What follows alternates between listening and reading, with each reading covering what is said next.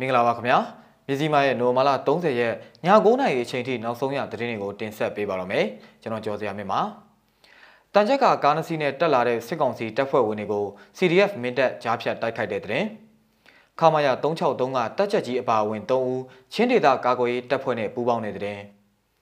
မန္တလေးရွှေမဟာနွယ်ပရိုက်တာတင်းဥက္ကဋ္ဌကိုအိုးဘိုထောင်ကိုပို့ဆောင်လိုက်ပြီးမိသားစုနဲ့တွေ့ဆုံခွင့်မရတဲ့တဲ့နဲ့ လေထုအရေးတွေကောင်းမွန်လာတာကြောင့်ဒေလီမြို့ကကျောင်းတွေပြန်ဖွင့်မဲ့တဲ့အစရှိတဲ့ပြည်တွင်းနဲ့နိုင်ငံတကာသတင်းတွေကိုတင်ဆက်ပေးသွားတော့မှာဖြစ်ပါတယ်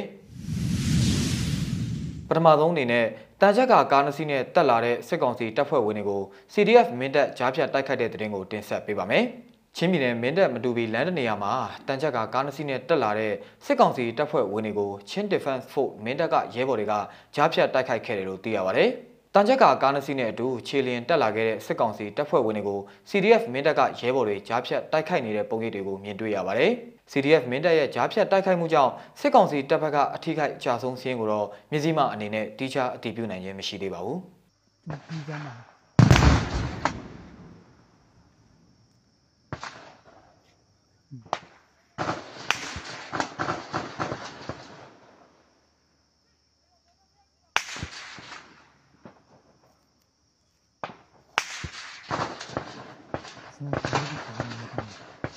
Mm.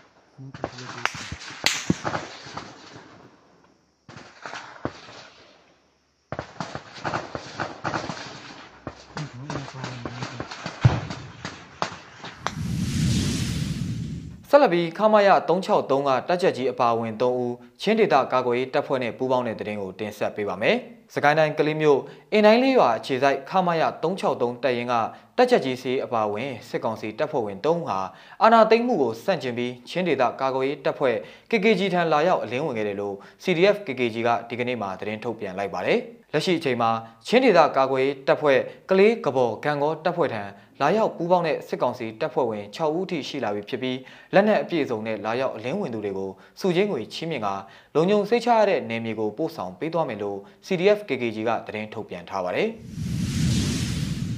နောက်ထပ်သတင်းတပုတ်အနေနဲ့ကရင်နယ်ကြားဆောင်တက်တရင်1019တရင်မူစောလာတက်ရုတ်တရက်ဆုံးပါသွားတဲ့သတင်းကိုဆက်ပြီးတင်ဆက်ပေးပါမယ်။ကရင်နယ်ကြားဆောင်တက် BGF တက်ရင်2019တက်ရင်မူဗိုလ်မှုစောလာတက်ဟာနိုဝင်ဘာလ30ရက်မနက်အစောပိုင်းကရုတ်တရက်ကွယ်လွန်သွားခဲ့တယ်လို့ KIC အပါအဝင်ကရင်သတင်းရင်းမြစ်တွေမှာသတင်းဖော်ပြထားပါတယ်။အသက်42နှစ်အရွယ် BGF ဗိုလ်မှူးစောလာတစ်တေဆုံးကြောင်း BGF အထွေထွေအတွင်းရေးမှူးဗိုလ်မှူးကြီးစောချစ်သူကကရင်သတင်းဌာန KIC ကိုအတည်ပြုပြောဆိုထားပါတယ်။ဗိုလ်မှူးစောလာတစ်နဲ့အဖွဲ့ဟာကရင်မျိုးသားစီယုံ KNU တပ်မဟာတစ်နယ်မြေကိုထိုးစစ်ဆင်ဝင်ရောက်မှုတွေမှာ BGF အဖွဲ့ကိုဥဆောင်သူဖြစ်ကြောင်းနဲ့အဆိုပါ BGF အဖွဲ့ဟာကရင်ပြည်နယ်ဖန်အံမြို့နယ်အတွင်းလူအခွင့်အရေးချိုးဖောက်မှုအမျိုးမျိုးကိုကျူးလွန်နေတဲ့စစ်ကောင်စီလက်အောက်ခံတပ်ဖွဲ့ဖြစ်ကြောင်းကရင်မျိုးသားစီယုံ KNU ကနိုဝင်ဘာလ19ရက်နေ့မှာသတင်းထုတ်ပြန်ထားပါတယ်။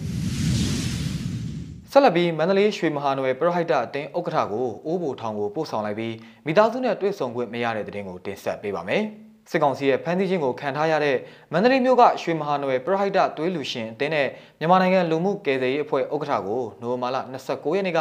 မန္တလေးဗဟိုအကျဉ်းထောင်အိုးဘိုကိုပို့ဆောင်လိုက်ပြီးဖြစ်တယ်လို့သိရပါဗျ။ မိသားစုဝင်တွေကထောင်ဝင်စာတွားရောက်ပို့ဆောင်ရမှာတွေ့ခွင့်မရခဲ့သလို၎င်းကိုမြည်သည့်ပုံမှန်နဲ့တရားစွဲဆိုထားတာကိုလည်းမသိရှိရသေးဘူးလို့ရွှေမဟာနွယ်ပရဟိတအသင်းနဲ့နေဆက်တူတူကပြောပါတယ်။ရွှေမဟာနယ်ပရဟိတအသင်းဥက္ကဋ္ဌ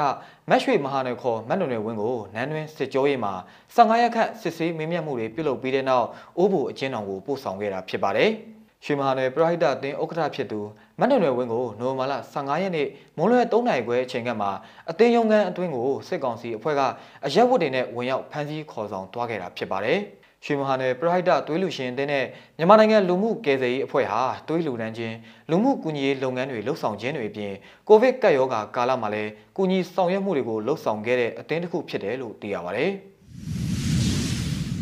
နောက်ဆုံးအနေနဲ့လေတုအရေးတွေကောင်းမွန်လာတာကြောင့်ဒေလီမြို့ကစာတင်ကျောင်းတွေပြန်ဖွင့်မဲ့နိုင်ငံတကာသတင်းကိုလည်းတင်ဆက်ပေးကြပါမယ်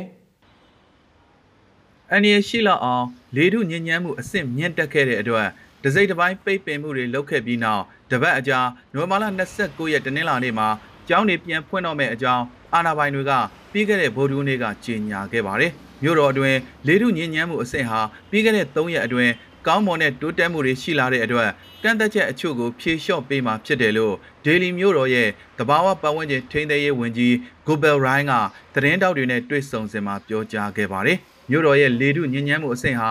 WHO ရဲ့အမြင့်ဆုံးသတ်မှတ်ချက်ထက်အဆ30ကျော်ထိရောက်ရှိခဲ့တဲ့အတွက်ကြောင်မီတို့စက်ရုံအချို့ကိုမလဲပတ်ဖို့ရင်ရန်တရားတွေကိုမလိုအပ်ပဲမြို့တော်တွင်မဝင်ရောက်ဖို့နဲ့လူထုအနေနဲ့အိမ်အတွင်းမှာသာနေထိုင်ကြဖို့အမိန့်ထုတ်ပြန်လိုက်သလိုစောက်လို့ရေးလုပ်ငန်းတွေကိုပါ အာဏာပိုင်တွေကကန့်သက်ခဲ့ရပါတယ်။မိုက်ခရွန်2.5ကျော်တဲ့အမှုန်တွေဟာနာတာရှည်အဆုတ်နဲ့နှလုံးရောဂါတွေဖြစ်စေနိုင်သလိုအမုံပါဝင်ကိန်းကတစ်တူယန်မီတာမှာ120မိုက်ခရိုဂရမ်ထိရှိနေစေဖြစ်တာကြောင့် WHO ရဲ့ကန့်သက်ချက်ထက်ရှစ်ဆရှိနေတယ်လို့ဆွီဒင်အခြေစိုက်လေထုလေးလာစောင့်ကြည့်ရေးကုမ္ပဏီ IQA က ပြီးခဲ့တဲ့ဗုဒ္ဓဟူးနေ့မှာထုတ်ပြန်ခဲ့ပါတယ်။ကမ္ဘာလေထုအငြင်းညမ်းဆုံးမြို့ကြီးတွေထဲမှာတမြို့အပါအဝင်ဖြစ်တဲ့လူဦးရေတန်း20နီးပါးနေထိုင်ရာဒေလီမှာစောင်းရာသီရောက်လာတိုင်းနေချင်းကမြောက်ပိုင်းပြည်နယ်တွေကလေယာတွေမှာရိုးပြက်တွေမီးရှို့ကြတာကြောင့်ထူထပ်တဲ့မီးခိုးမြူတွေနဲ့အုပ်ဆိုင်နေတတ်ပါတယ်။ပြီးခဲ့တဲ့သတင်းပတ်ကလေထုအငြင်းညမ်းဆုံးနေရာတွေမှာမိโกမြူရှင်းတဲ့တနက်တွေပြစ်တာရေမုံဖြန်းတာတွေ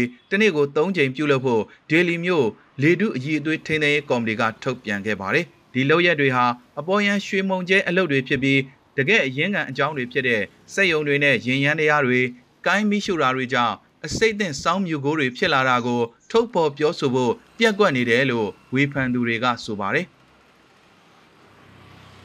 वही तो बस ये है कि तो वायरस अभी गया नहीं है पूरी तरह से प्लस ये ကျမအစိုးရိမ်ဆုံးအချက်ကကိုဗစ်ဗိုင်းရပ်စ်ကအခုထိရှိနေတော့ လုံးလုံးပျောက်သွားတာမဟုတ်ဘူးလေတုညဉ့်ညမ်းမှုကြောင့်ကျမကလေးတွေမှာအေးအေးပတ်ပြီးချောင်းတွေတောက်လျှောက်စိုးနေတာအသက်ရှူရလဲခက်နေတယ်လေမလွဲသာလို့အင်ပြင်ထွက်အလုပ်လုပ်ရတဲ့ကျမတို့လူကြီးတွေအဖို့ကူကွယ်ရမဲ့ပဲလို့အသက်36နှစ်အရွယ်ရီတီကာဂိုရယ်ကဆိုပါတယ်အေဂျင့်တိတ်ဆိတ်တဲ့ကျမတို့ရွာလေးနဲ့ရှင်ရင်ဒေလီမျိုးကအရန်စူညံပြီးလေတို့ညဉ့်ညံလွန်ပါတယ်ဒေလီကိုလာပြီးရွာပြန်သွားရင်နားထဲမှာစီစီစီစီနဲ့ အ ਨੇ ဆုံးတစ်ပတ်လောက်နားတွေဥနေတော့တာဒေလီမှာကဟင်းသီးဟင်းရွက်ကနေအစစအရာရာဘာပဲဝယ်ဝယ်တဘာဝနဲ့ကင်းကွာနေတယ်လို့ကြီးခံစားရတယ်လေထုညဉ့်ညမ်းမှုကြောင့်ကျမ်းမာရေးနဲ့ညီညွတ်မှုကိုမရှိဘူးလို့အသက်40အရွယ်ဂီတာဘာမာကဆိုပါတယ်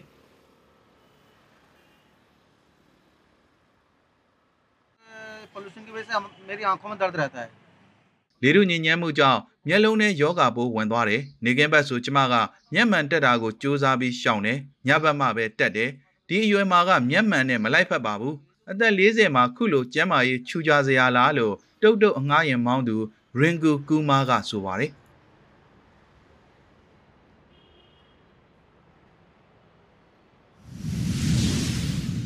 မြစည်းမရဲ့နိုဝင်ဘာလ30ရက်ည9:00နာရီအထိနောက်ဆုံးရသတင်းတွေကိုတင်ဆက်ပေးကြတာပါ မြန်မာပြည်သူပြည်သားပေါင်းဘေးရန်တွေအမျိုးမျိုးကနေကင်းဝေးကြပါစေခင်ဗျာ။